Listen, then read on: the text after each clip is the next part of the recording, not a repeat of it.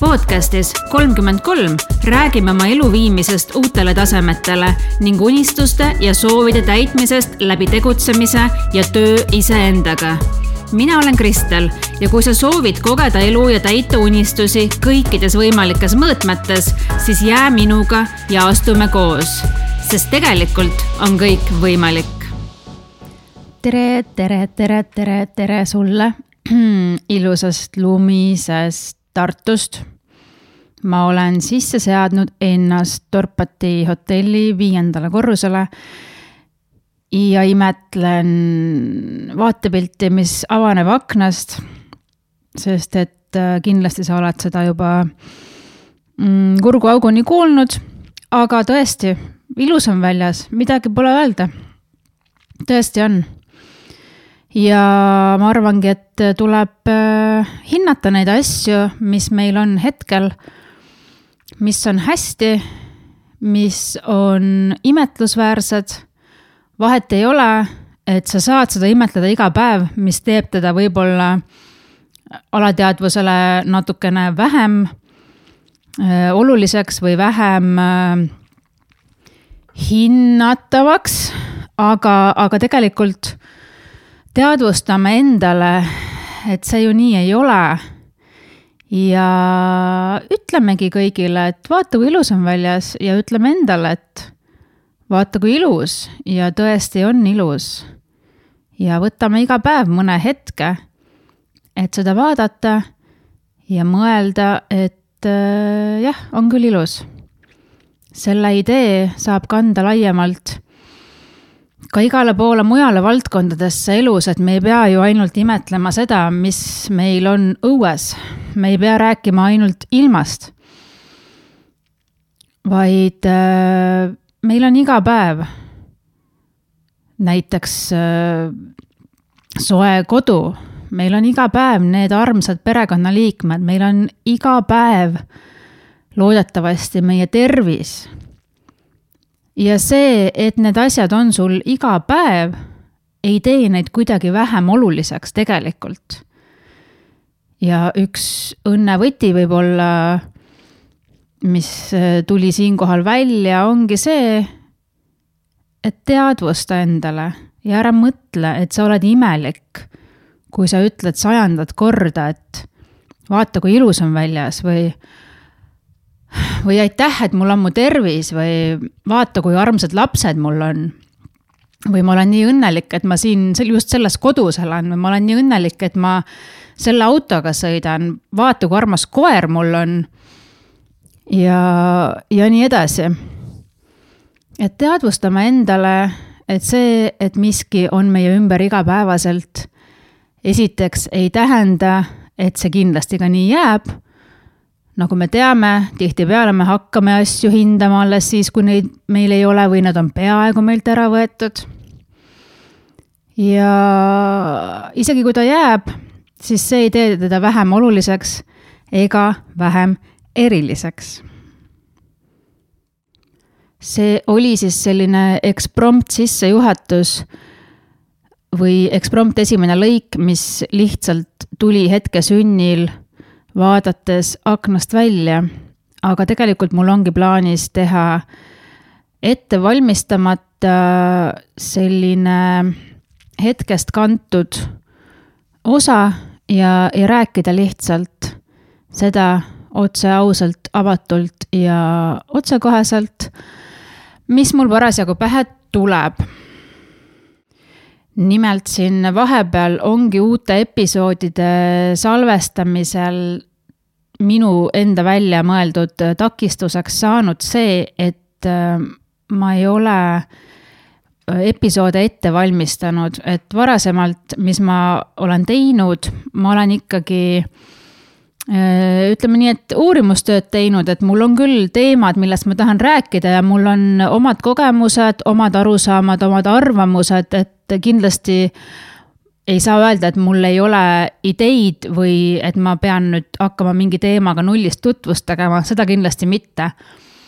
aga lihtsalt äh, selleks, et olla kindel, et ma ikkagi selle salvestamise ajal kõik olulise ära katan, olen ma teinud ikkagi korralikult uurimustööd, olen kõik ette valmistanud, loogiliselt järjestanud ja see on aega võtnud väga palju tunde ja seetõttu ma olen selle loonud endale takistuseks, miks vahepeal äh, mitte episoode salvestada, kuigi ma väga tahan ja mulle väga meeldib see, et ma suvel selle podcast'iga alustasin, siis ikkagi ma ei ole neid salvestusi teinud, kuna ma olen endale öelnud, et aga ma olen ju ette valmistamata.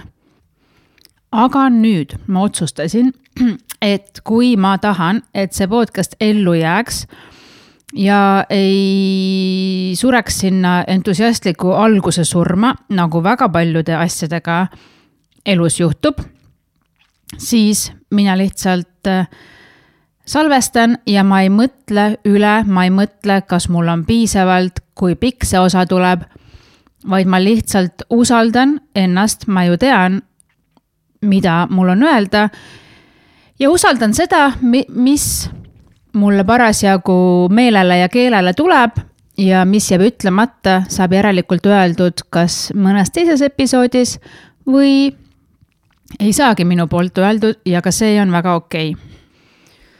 mõtlesin, et äh, valgustan natukene sind, armas kuulaja, ka selles osas, mis minu elus praegu aktuaalne on. nimelt äh, olime siin sügisel äh, Tenerifel teist aastat. kerin siis korraks tagasi eelmisesse aastasse, kuidas see Tenerife meile üldse hinge puges. oli see, et me läksime eelmise aasta oktoobriks. aga meile hakkas seal väga-väga meeldima. ja kuna me sattusime elama sellisesse kohta nagu Raavede hoov, võib-olla oled kuulnud, võib-olla ei ole, kindlasti otsi Facebookist sellenimeline grupp üles, kui sulle Tenerife äh, sihtkohana natukenegi huvi pakub. saad äh, eemalt jälgida ja vaadata, millega nad seal tegelevad ja siis, kui tunned, et aeg on õige, võib-olla üks hetk isegi sinnakanti lennupiletit soetada. Aga igatahes äh, tänu Raavedele me sattusime seal Tenerifel kohe kohe sellisesse mõnusasse tavaellu, et me ei elanud seal nagu turistid, vaid äh, oligi selline tore igapäevane kulgemine. ja üsna pea läks ka mul laps seal kooli. nimelt seal on üks tore Briti kool, äh, kus siis kõik õppetöö toimub inglise keeles ja sinna võib laps minna täpselt selliseks äh, perioodiks nagu temal vaja on, puudub igasugune suur paberitöö vajadus ja nii edasi, et seetõttu see meile väga meeldis ja, ja tütar mul sinna ka läks. ja kui eelmine aasta saabus oktoobri lõpp ja meil olid lennupiletid tagasi, paralleelselt äh, olid ka veel aktuaalsed siin Eestis või noh, üldse igal pool. Kõiksugused äh, ürituste keelud ja äh, ja lukustused nii-öelda, et siis oktoobri lõpuks meil sündis otsus, et jah, me lendame nende lennupiletitega küll Eestisse, aga me võtame sealt auto, anname ära oma üürikorteri, võtame koera ja asume neljal rattal novembri alguses Tenerife poole tagasi teele ja nii me tegimegi siis, äh, olime nädal aega Eestis, pakkisime, organiseerisime ja siis nädala aja pärast olime, olime oma poole aasta varuga autos ja Rootsi kaudu teel Tenerifele ja jäimegi märtsini. Millalgi märtsi keskel alustasime rahulikult tagasiteed. peatusime veel Mandri-Hispaanias üsna mitmes kohas ja siis märtsi lõpp, aprilli algus olime tagasi. et äh, eelmine talv selles mõttes jäi, jäi meil totaalselt vahele. ja sellega täitus ka minu üks suuri-suuri-suuri unistusi, milleks siis ongi see meie külma ilma eest põgenemine. Küll aga ei olnud selle üle Ehm, noh, samas tal kindlasti ta oli õnnelik, aga samas ikkagi lapsel oli natukene kurb ka, et ta jäi ilma lumes möllamisest. ja samuti jäid siis ära jõulud äh, sugulaste seltsis, loomulikult seal kohapeal Tenerifel me jõule tähistasime täpselt nii nagu siin Eestiski, oli kuusk, olid kingitused, oli, oli ühine söömine. aga jah, ei olnud see, millega laps siiani harjunud oli. ja siis äh, kerides edasi olemegi nüüd selles aastas, kus siis saigi langetatud erinevatel põhjustel selline otsus, et äh, veetsime siis nüüd poolteist kuud Tenerifel ja tõesti kahju oli ära tulla samas ma saan aru, et sel aastal ongi, ongi see vajalik erinevatel põhjustel. ja see viibki mind tänase teema juurde, milleks on siis enese toetamine olukorras, kus äh, väline situatsioon ei ole just sinule meeltmööda. kui sa oled situatsioonis kus asjad ei ole nii, nagu sa tahaksid, siis on sul mitu varianti. variant üks on see, et sa teed selle tunde, et sulle ei meeldi see olukord. sa teed selle tunde valeks ja sunnid ennast mõtlema positiivseid mõtteid. näiteks, kui mulle ei meeldi või noh, ütleme nii, et ma, kui ma saaksin valida, ma ei valiks seda varianti, kus väljas on pidevalt pime ja külm, siis ma hakkan mõtlema, et aga tuled ju põlevad ja igal pool on valgustused ja ma saan ju ennast riidesse panna ja, ja pole see nii hull midagi ja ühesõnaga selle, äh, selle nii-öelda nagu tähe all noh, ma tean, muidugi ma tean, et ma ei saa seda muuta ja on suur vahe tegelikult selles, kas sa vigised millegi üle või sa tunnistad, et see ei oleks sinu esmane valik, see ei ole sinu eelistus ja sinu, sinuga see tegelikult kokku ei kõla. et seal on suur vahe, kas nagu noh, meile ei saa kõik asjad meeldida ja meile ei pea kõik asjad meeldima ja me ei pea endale rääkima musta-valgeks, me ei pea endale suruma neid asju peale, mis meile ei meeldi. ja nüüd me jõuamegi sinna, et jah, ma ei saa näiteks muuta seda pimedust ja külmust ja ma ei saa muuta näiteks mõnda oma perekonnaliiget või, või koolis õpetajat või töökaaslast või liikluses teisi autosid. ma ei saa neid muuta. aga ma ei pea ennast sundima, et mulle hakkaks need meeldima. ma ei pea, ma kordan, kordan seda veel kord. mulle ei pea mitte kunagi hakkama näiteks Eesti talv meeldima, ma räägin selle talve näitel, sest et see on lihtne. see on äh, aktuaalne, aga samas tea, et see, seda saab igasuguse olukorra peale üle kanda, mis iganes siis on väliskeskkonna tingimus, mida sina ei saa muuta. nii, mul ei pea kunagi hakkama Eesti talv meeldima. see ei tähenda, et ma peaksin siit ära põgenema. see ei tähenda, et, et mulle peaks ütlema, et aga mis sa siis elad siin. lihtsalt küsimus on selles, kas ma nüüd selles oru-, olukorras sunnin endale peale seda toksilist positiivsust ja iga päev räägin kuidas ma ei tohiks öelda, et see mulle ei meeldi, kuna ma ei saa ju seda niikuinii muuta, vaid kuidas ma ikka pean siin leidma positiivseid asju ja pean sellest ikkagi rääkima hästi. või teine variant, mida mina isiklikult äh, soovitaksin rohkem, mida ma ka ise siin järjest praktiseerin, on see, et ma tunnistan endale, jah, pole minu teema. ja võib öelda, et isegi mõjub mulle tihtipeale energiat võtvalt.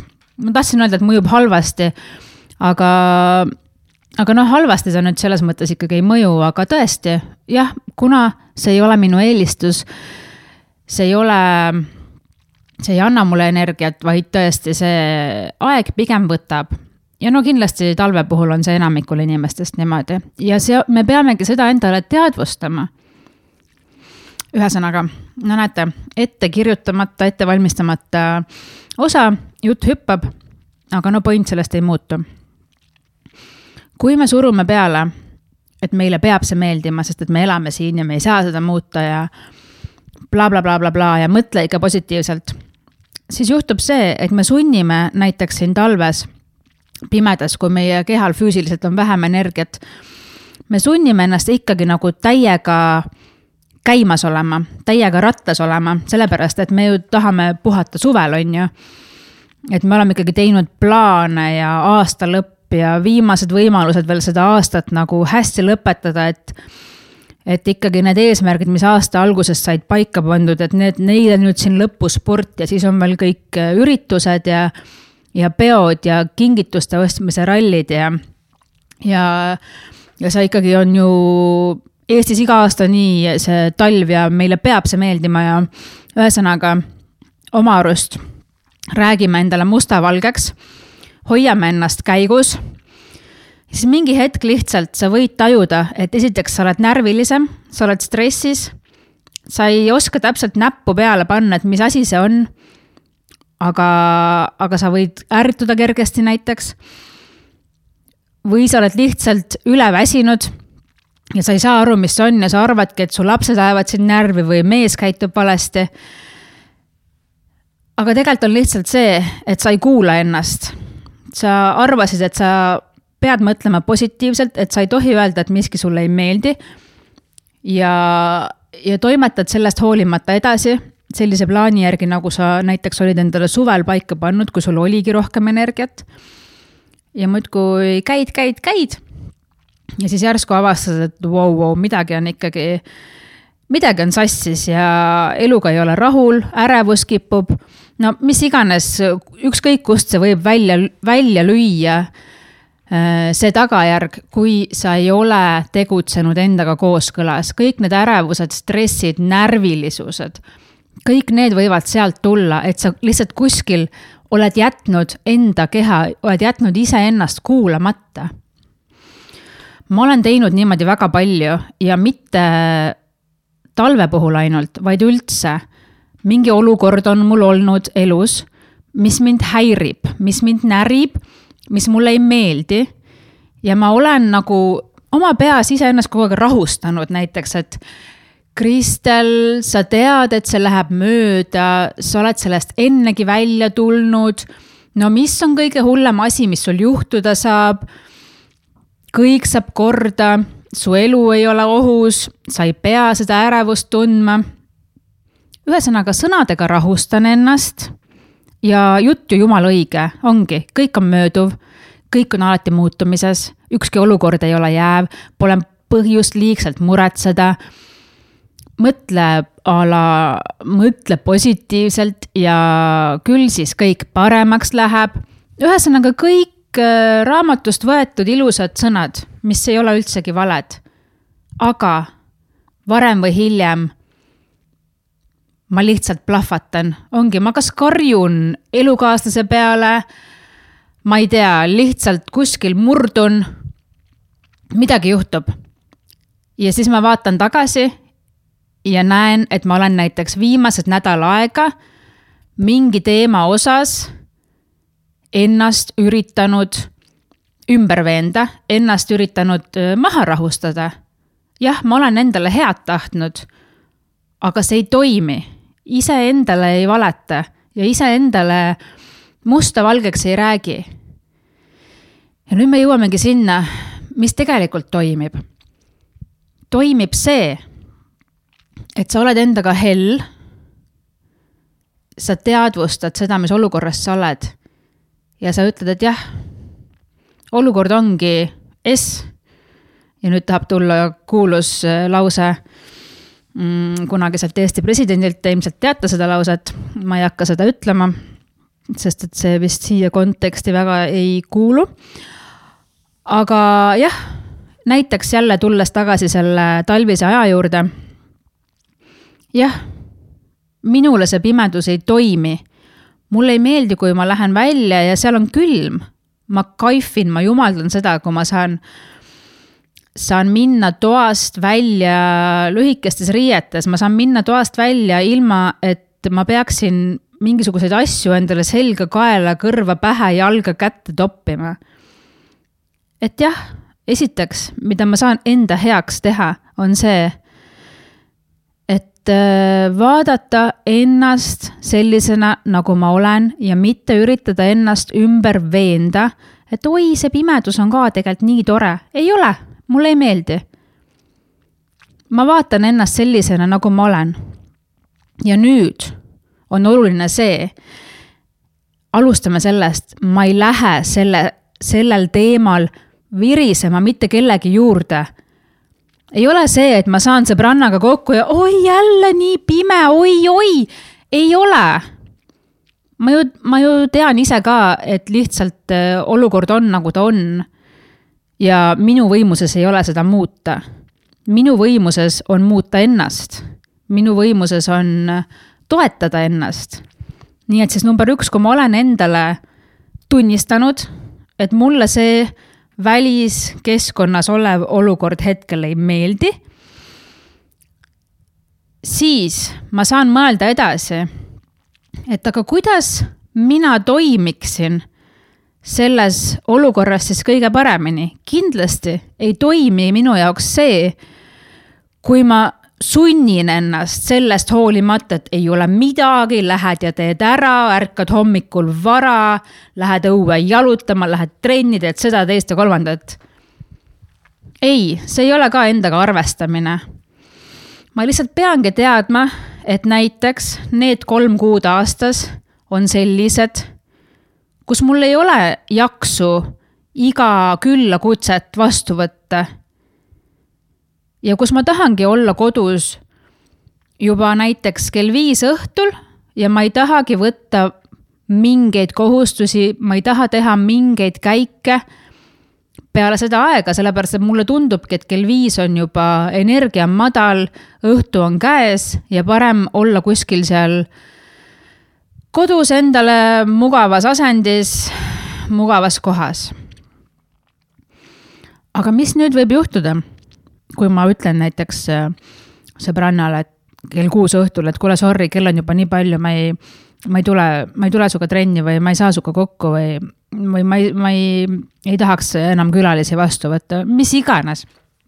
sa oled nagu teadvustanud endale oma rütmi, oma soovi ja, ja sa peadki reaalselt need äraütlemised, need loobumised tegema siis tihtipeale võib tulla selline väike tagasilöök, et sa hakkad nagu kahtlema.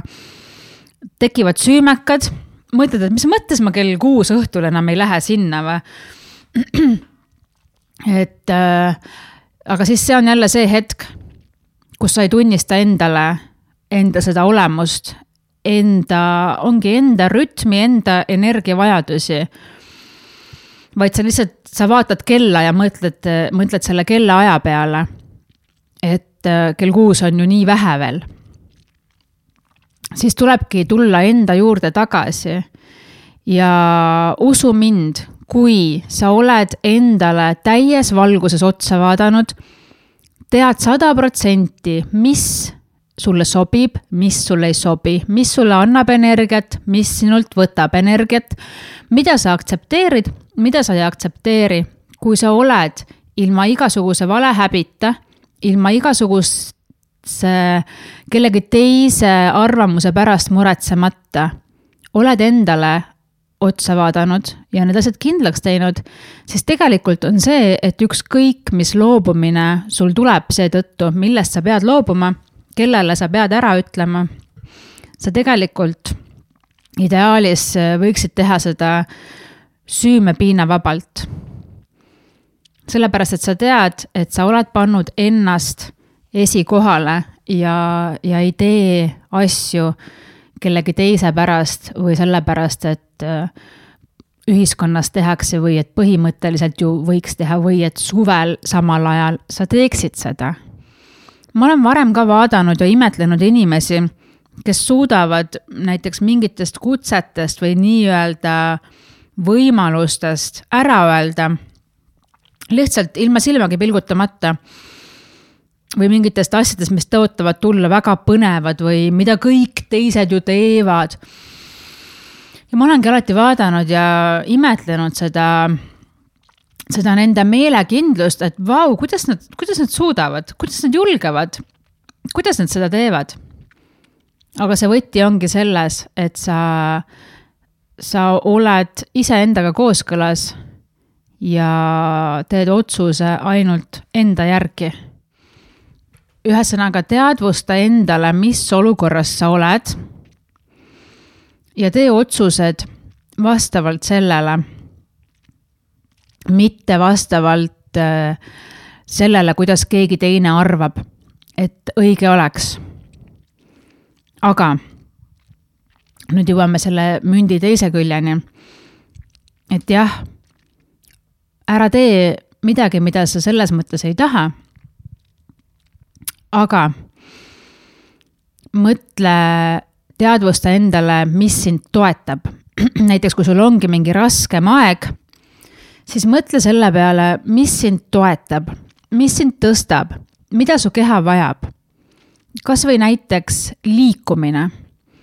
kui sa tead, et sul on palju tööd, sul on väga-väga-väga palju tööd, mis nõuab sul istumist arvuti taga ja sa tead, et sul äh, jälle endast räägin, aga jääb alaselg valusaks, kui sa istud pikalt ühe koha peal, siis ma tean, et on raske tulla sealt arvuti tagant ära ja võtta see tund endale liigutamiseks, joogaks, trenni tegemiseks. tihtipeale see päev lihtsalt kuidagi libiseb mööda. Ja kui sa ei teadvusta, et jah, see tegevus toetab sind, tõstab sind, mõjub sulle hästi, siis lihtsalt aeg läheb ja sa avastad ennast äh, valutava seljaga või kange kaelaga või, või, või mis iganes äh, sümptomid sul võivad ava-, avalduda. et ühesõnaga on mingid hetked, kus sa peadki tuimalt ütlema, et ei, ma ei tee seda mul on vähem energiat, ma rohkem puhkan, aga on ka mingid hetked, kus sa just ütled iseendale, et nii, ma nüüd tõusen siit arvuti tagant püsti, rullin oma mati lahti ja teen see kolmkümmend minutit, nelikümmend minutit, kuuskümmend minutit seda joogat. ja isegi kui sa seda alguses ei taha, siis jah, ma sunnin ennast sellepärast, et ma tean, et see mõjub mulle hästi. Ja trenni tasandil sul on ka alati võimalus valida, kas sa tahad teha tugevamat lihastrenni, tahad sa teha rohkem venitusi, midagi rahulikumat. jällegi kuula ennast, aga aga mingitest mugavustsooni punktidest me siiski peame selle teadlikkusega, mis meile hästi mõjub ja tahtejõuga üle astuma. et siis endani seda head tulemust tuua ja lõppkokkuvõttes ikkagi ennast toetada. Aga see enese distsipliin ja tahtejõud ja see mingis mõttes ka sundimine, see ikkagi peab toimuma nende enda teadvustamise raamide sees, näiteks jällegi see pimedus, on ju. kui ma tean, et mul ei ole enam õhtuti energiat, sest et väljas on juba kuus tundi pime olnud, siis ma ei jäta seda trenni õhtuks.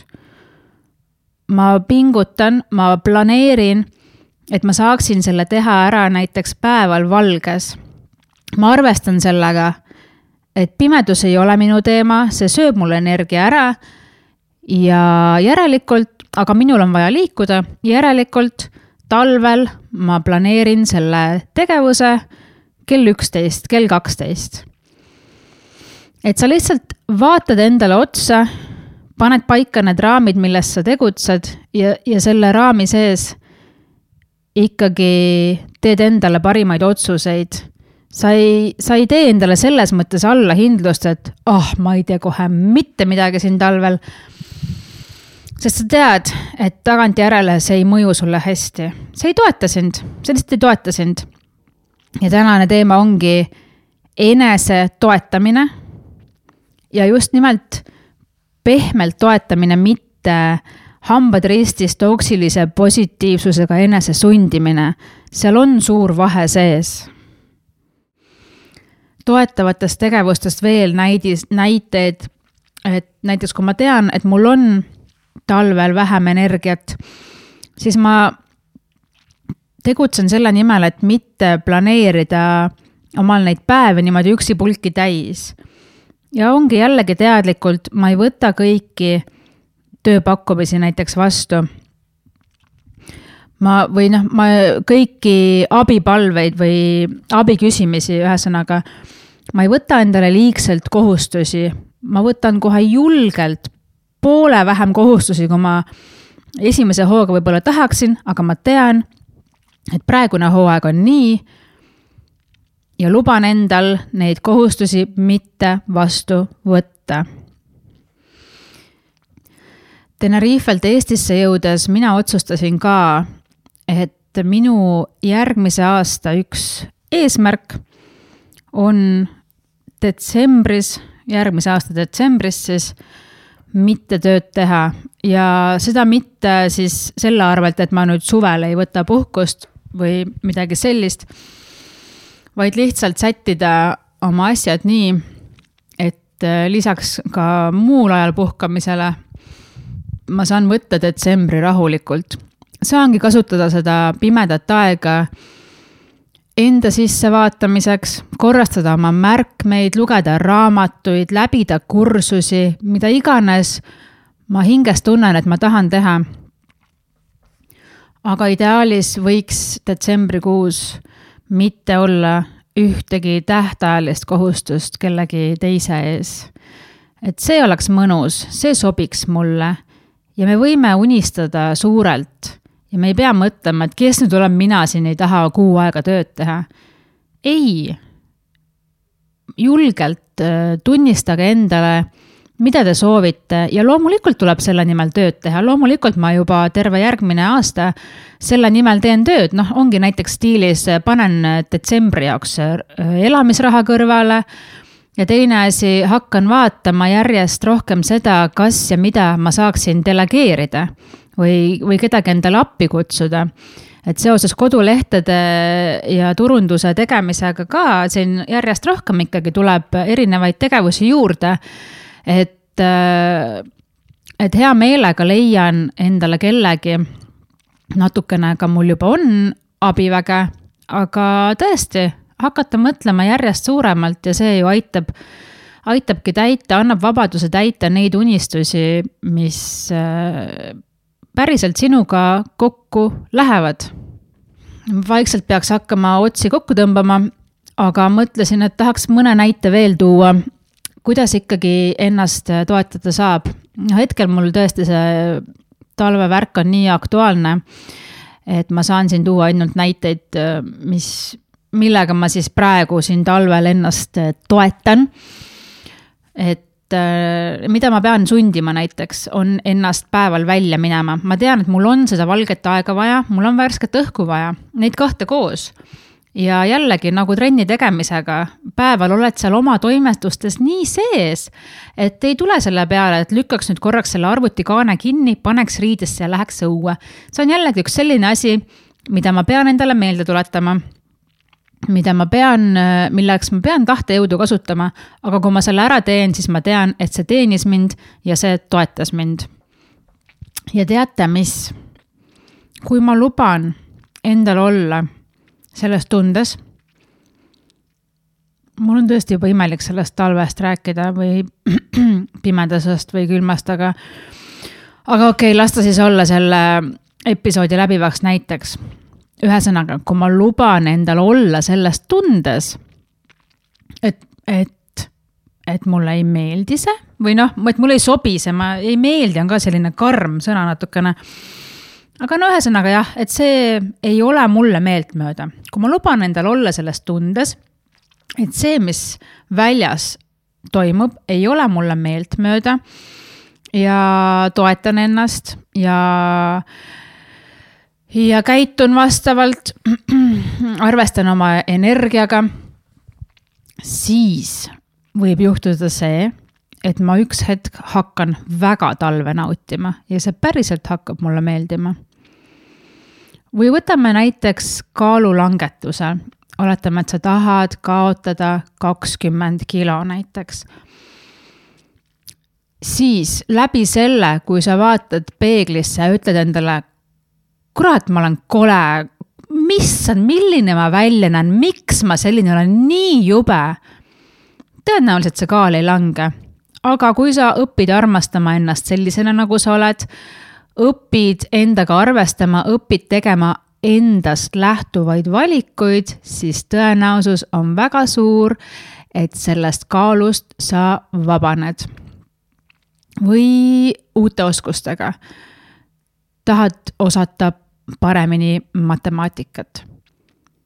siis kuidas sa sinna jõuad, kas läbi selle, et sa ütled endale, et kui loll sa oled, kui rumal, kuidas sa juba ei oska, kuidas sa ei tea, või läbi selle, et sa tunnistad endale, et jah, ma praegu ei oska seda, jah, ma ei tea, jah, see on raske.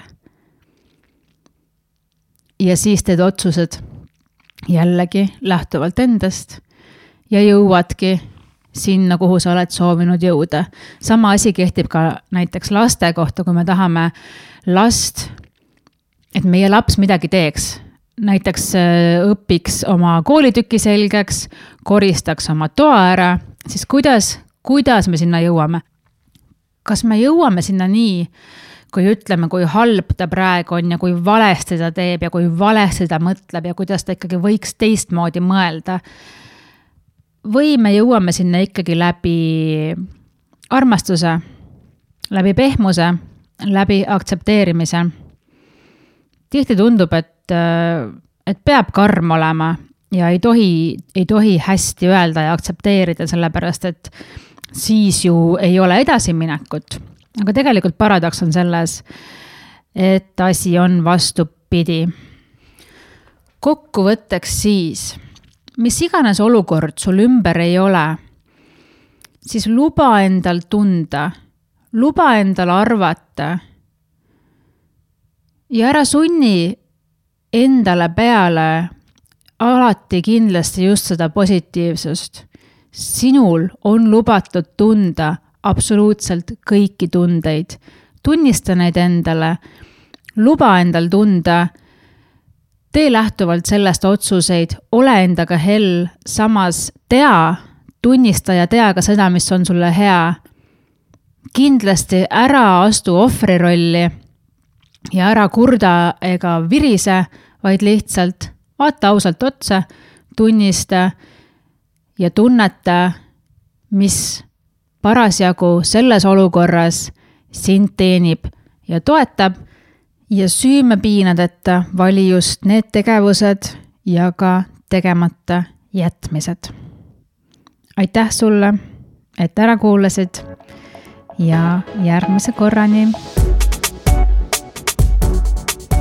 Aitäh, et kuulasid podcasti kolmkümmend kolm. kui miski sind kõnetas, siis tule jutusta minuga ka Instagramis, at Kristel Tammin. soovin sulle julgust unistada ja tegutseda